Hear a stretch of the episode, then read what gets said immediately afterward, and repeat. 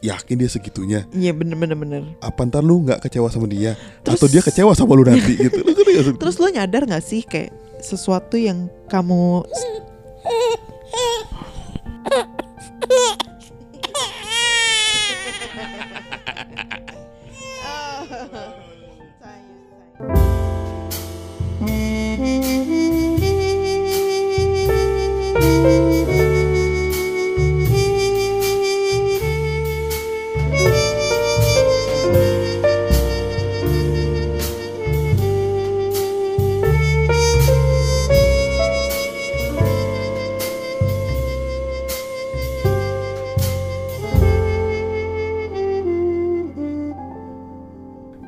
Hah?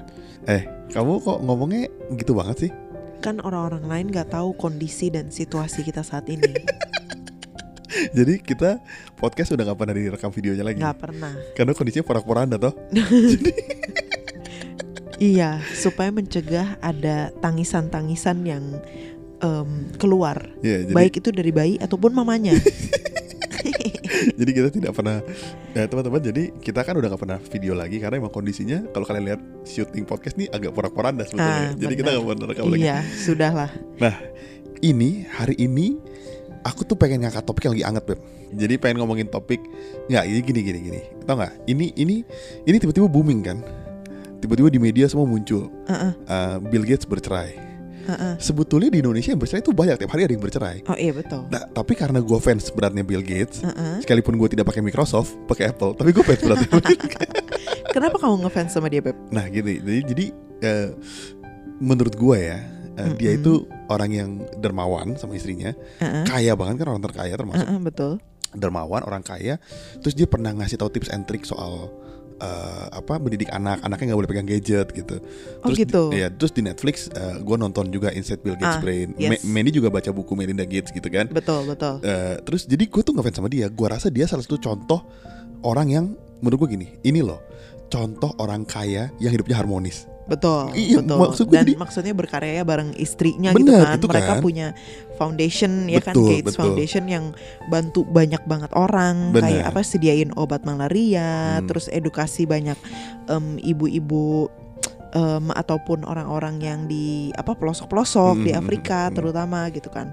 Kayak berkarya banyak banget gitu kan sebagai suami istri gitu kan. Jadi kita sangat admire apa mereka admire banget lah. jadi ketika ketika eh, berapa beberapa bulan ya Jeff Bezos bercerai Heeh. gue masih bilang oh ya memang ini idola gue orang kaya yang kan dia tidak ada rumor aneh-aneh gitu Betul. nggak ada rumor aneh-aneh nggak ada macam-macam pokoknya dia adem-adem lah nggak selingkuh Mm-mm. gitu kan. nggak pokoknya jauh dari rumor aneh-aneh lah Betul, betul. gitu paling ada rumor konspirasi dia menciptakan virus covid gitu Betul, betul. tapi kalau hubungannya nggak ada makanya ketika bercerai gue tuh terpukul sebetulnya Mm-mm. sekalipun betul, sekalipun shock gimana lah. shock kan gue merasa Ih gila ya Soalnya kan gini Menurut Mandy kan gue money oriented hamba uang kan Uh-uh, gua bilang betul. gini, Beb, masih Beb ada loh Ini orang kaya tapi tidak bercerai Ini bercerai Jadi sekarang iya bener bener harmonis terus berkarya gitu kan. Gitu. Jadi kayak buat kita surprising banget gitu dan kayak apa ya bisa dibilang nggak nggak we don't see it coming Iya lah iya iya gitu We don't kan. see it coming Karena kan waktu itu eh Bill Gates kan baru aja ngeluarin buku barunya kan Hmm. gitu.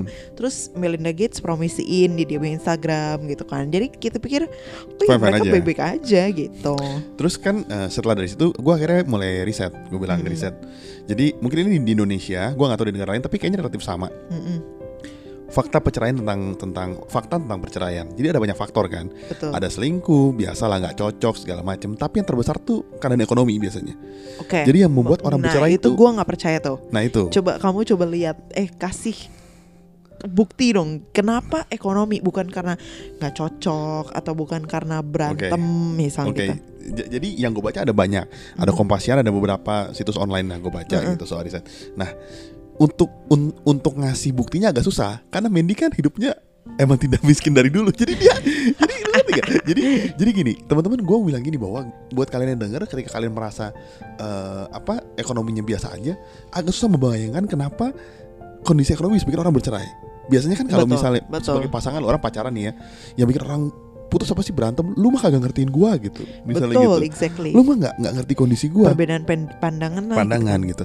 Tapi ketika kondisi lu misalnya lu pulang kerja capek, Mm-mm. lu mau beli barang apa nggak ada, itu itu itu lu tuh bisa membenci pasangan lu karena merasa eh lu gak bisa ngasih gue makan nih. bener Jadi bener. ketika faktor ekonomi 70% biasanya gue cerai itu perempuan.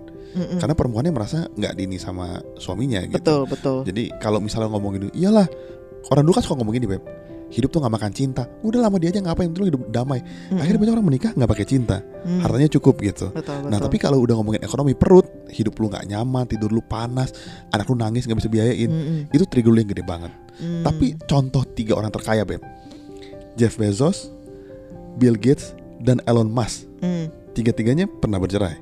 Nggak, eh, kecuali eh, Bill Gates. Oh, Bill Gates baru, ini kan. bercerai, Mm. Bezos berapa bulan lalu, kalau Elon Musk udah bercerai udah menikah lagi. Iya gitu. betul betul. Jadi mak- maksudnya ternyata teman-teman ekonomi mereka tuh nggak kurang kaya, Mm-mm. gila. Benar. Mereka bercerai juga gitu. Mm-mm, betul. Jadi kalau gua mau ngomong gini sebenarnya ke topik ini, kalau ada orang bilang ekonomi tuh penentu utama lu nggak harmonis, main banyak orang kaya bercerai juga gitu. Mm. Jadi jadi tiga tokoh orang paling kaya ini mereka kan lu bisa beli rumah baru tiap detik kali, lu bisa beli rumah baru kali, mereka cerai Iya, juga. betul. Mungkin karena orang kaya itu kan persentasenya dikit gitu loh, Beb. Hmm. Sedangkan kalau misalnya riset-riset itu kan mereka merisetnya orang-orang kebanyakan gitu loh, Benar, orang benar. awam eh kayak kita lah gitu kan, yang Hmm. biasa-biasa aja gitu kan. Hmm. Jadi mungkin kalau orang-orang kayak kita yang pernikahannya rawan misalnya itu ya pasti karena ekonomi. Mostly kan Sedangkan ekonomi. mereka kan tiga top terbesar di dunia gitu loh, Beb. Hmm, ngerti, Maksudnya ngerti. jadi pasti mereka bukan soal ekonomi lah itu bukan bukan sesuatu yang apa ya menjadi masalah lah buat mereka gitu. Kalau menurut kamu ya, aku mau tanya, yang bikin pertengkaran paling besar tuh selain ekonomi apa? Kan kamu nggak pernah ngalamin situasi ekonomi berat kan? Ah, iya. Jadi kalau kamu cerita apa hal yang bisa bikin kamu mau cerai sama aku misalnya, ini gua gak bisa terima, gua nggak bisa terima masalah ini. Gitu. Wah susah banget.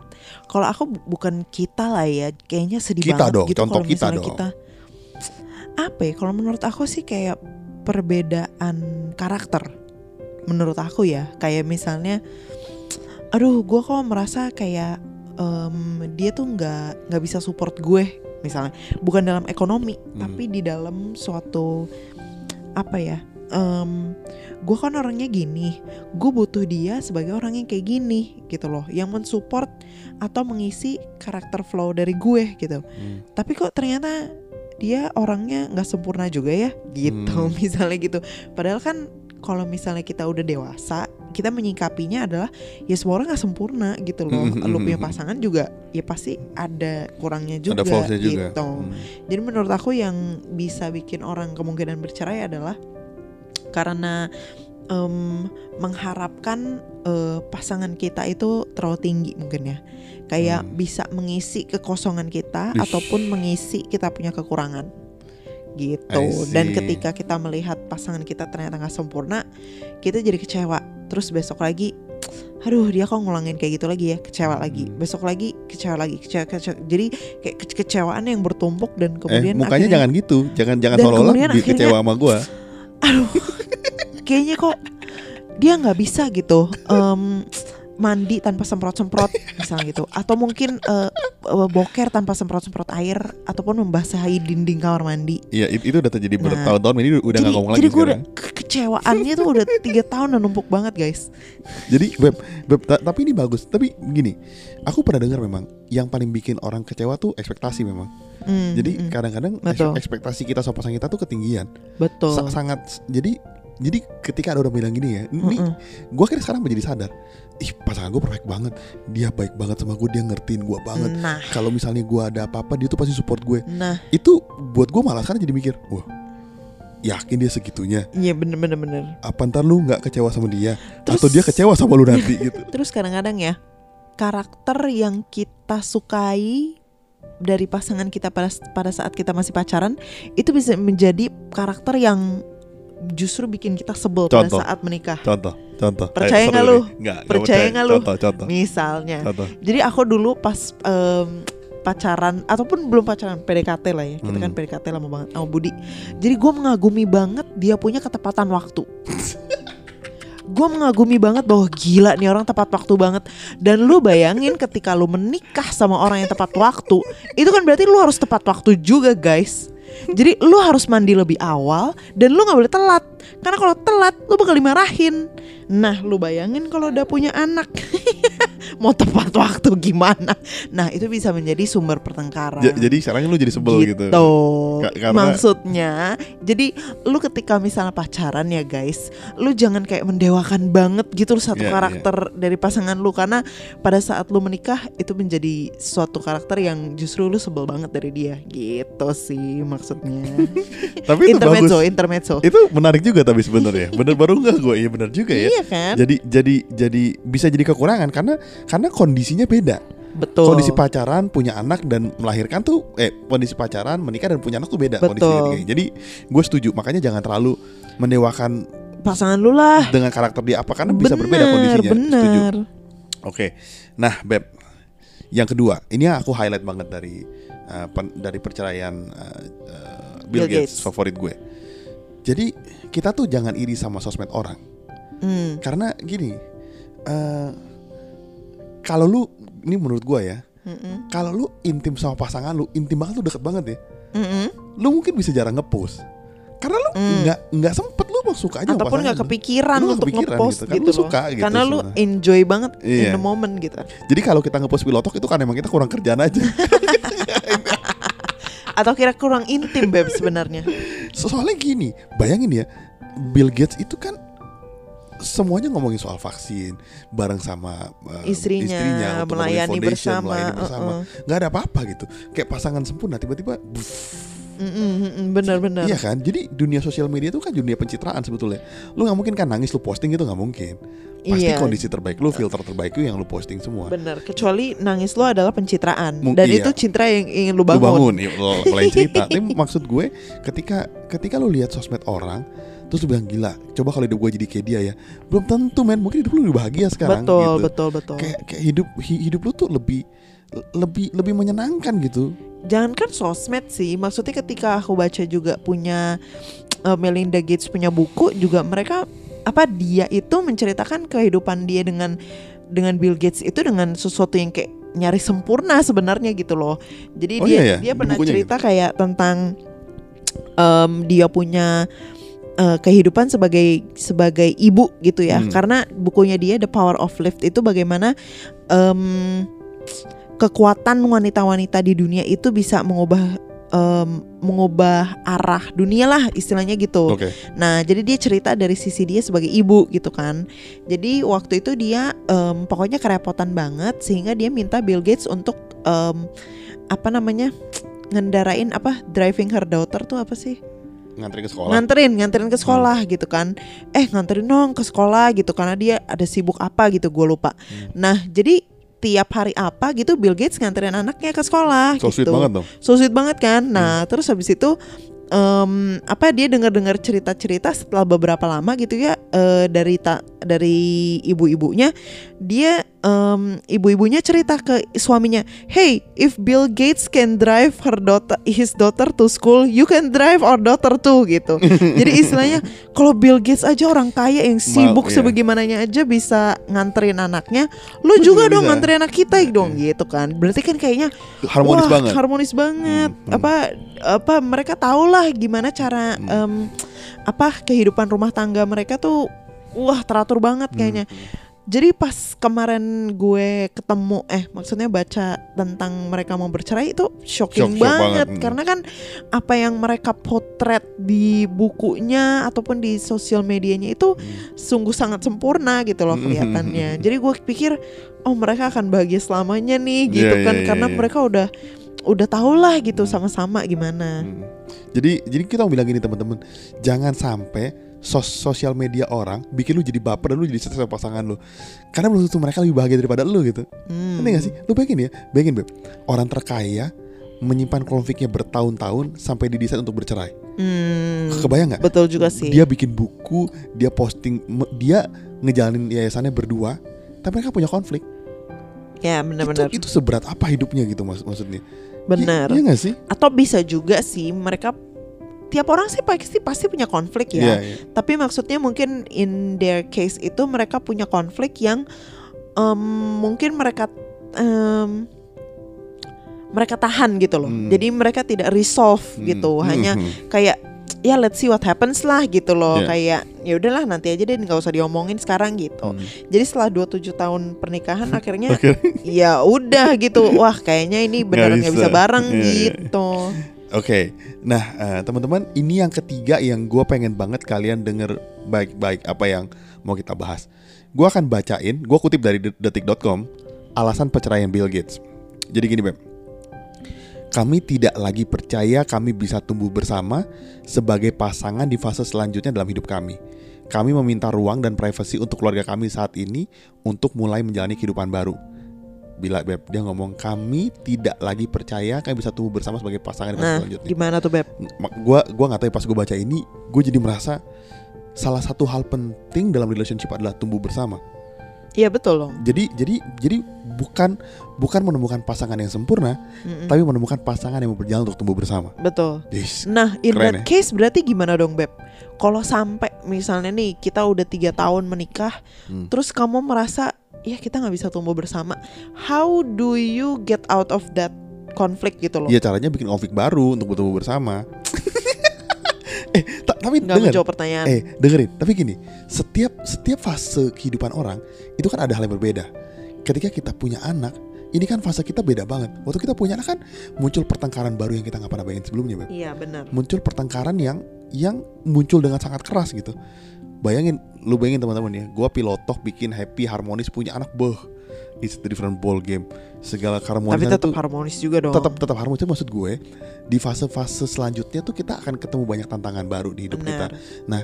Ketika ketika gua baca quotes Bill Gates ini, ya quotes, gue jadi mikir gini, apa iya mereka berhenti belajar untuk menjadi pasangan yang tumbuh bersama? Misalnya contoh, Hmm, mereka merasa hidupnya udah perfect harta udah Hmm. cukup anak udah gede betul. sehingga mereka merasa hal yang masalah yang gue punya bisa gue solve di yayasan gue sama Hmm. partner bisnis gue pernah mikir gitu gak?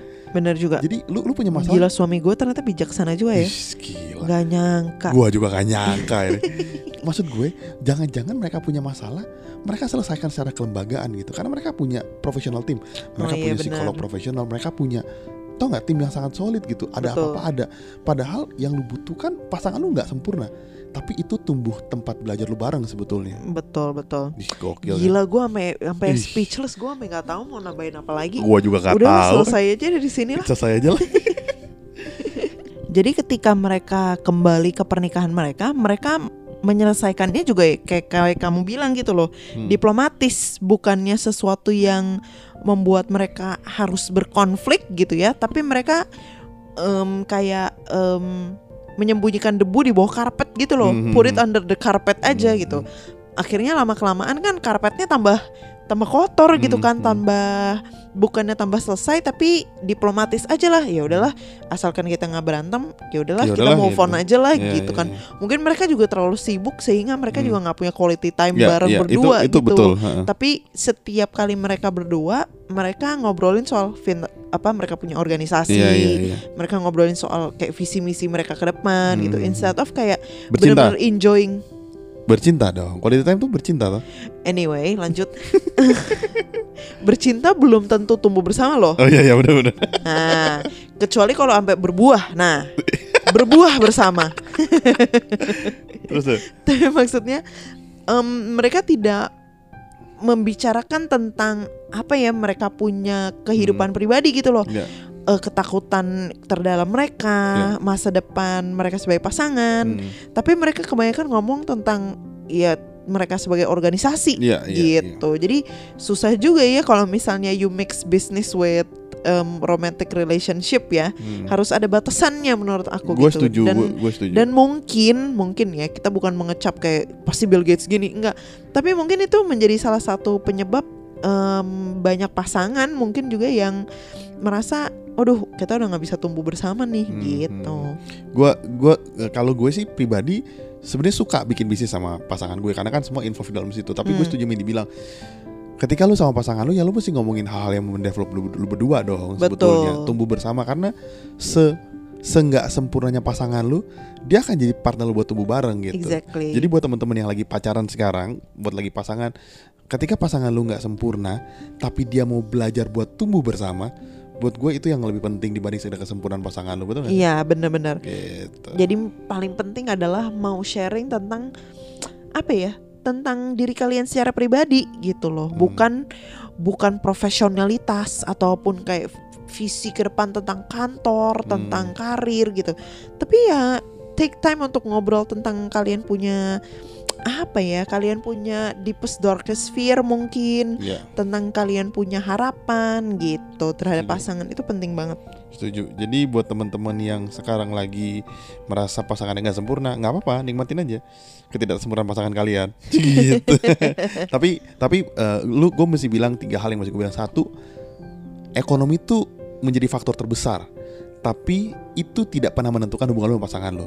Mm-mm, Karena itu itu tergantung deep down lu berdua gimana. mm-mm, Yang kedua teman-teman, sosial media itu tidak menentukan apa-apa. mm-mm, Sosial media tidak menentukan romantis atau enggak. betul. Semakin lo romantis, yang tahu cuma lu dengan pasangan lu aja gitu. Yes. Jadi jadi ketika lu mau nuangkan di sosial media, memang karena lu pengen bilang sama pasangan lu gue sayang sama lu, bukan lu mau bilang sama dunia bahwa lu berdua romantis gitu. Iya, itu bukan tolak ukur Bukan tolak bukan tolak ukur. Jadi jadi jadi lu lu mesti camkan itu.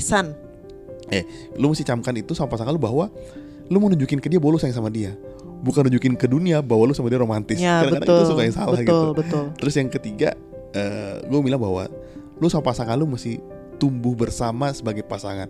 Jadi ketika pasangan lu nggak sabar, kemudian dia jadi pelan-pelan sabar, itu jadi sesuatu yang pernah ada hubungan lu lebih baik gitu. Mm-mm. Atau lu yang membuat dia jadi lebih sabar. Nah, iya, ka- jadi lu bikin segala hal itu bikin yang dia emosi Eh, gitu. lu- eh, jadi lu makin lama dia jadi sabar banget gitu kan. Ini orang kenapa ya sabar banget? Oh, jangan-jangan gue yang bikin dia emosi gitu. daripada terjadi pertengkaran bisnis sehingga kita sudahi aja. Jadi teman-teman eh, jangan lupa follow eh, TikTok kita dan Instagram kita juga di mana web?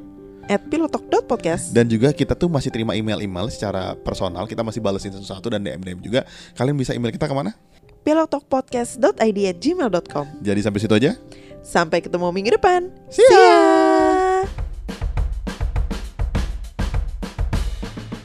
Kalian tahu nggak sih rahasia bagaimana kita berdua bisa bikin konten setiap minggunya secara rutin? Ternyata rahasianya ada di Nasi Padang. Jadi, gengs, tiap kali si Budi itu makan, Nasi Padang. Dia punya kemampuan berpikir dan kreatif itu semakin meningkat. Jadi, kalau kalian mau beliin kita, Nasi Padang. boleh ke karyakarsa.com slash ID. Tenang aja, aku kalau nasi padang tuh murah kok. Nasi, sayur sama kuah, paling 10 ribu. Iya, karena kemampuan perut Budi akan bertambah dengan cepat kalau dia makan karbohidrat aja. Jadi, jangan lupa ke karyakarsa.com slash pilotokid untuk support kita ya.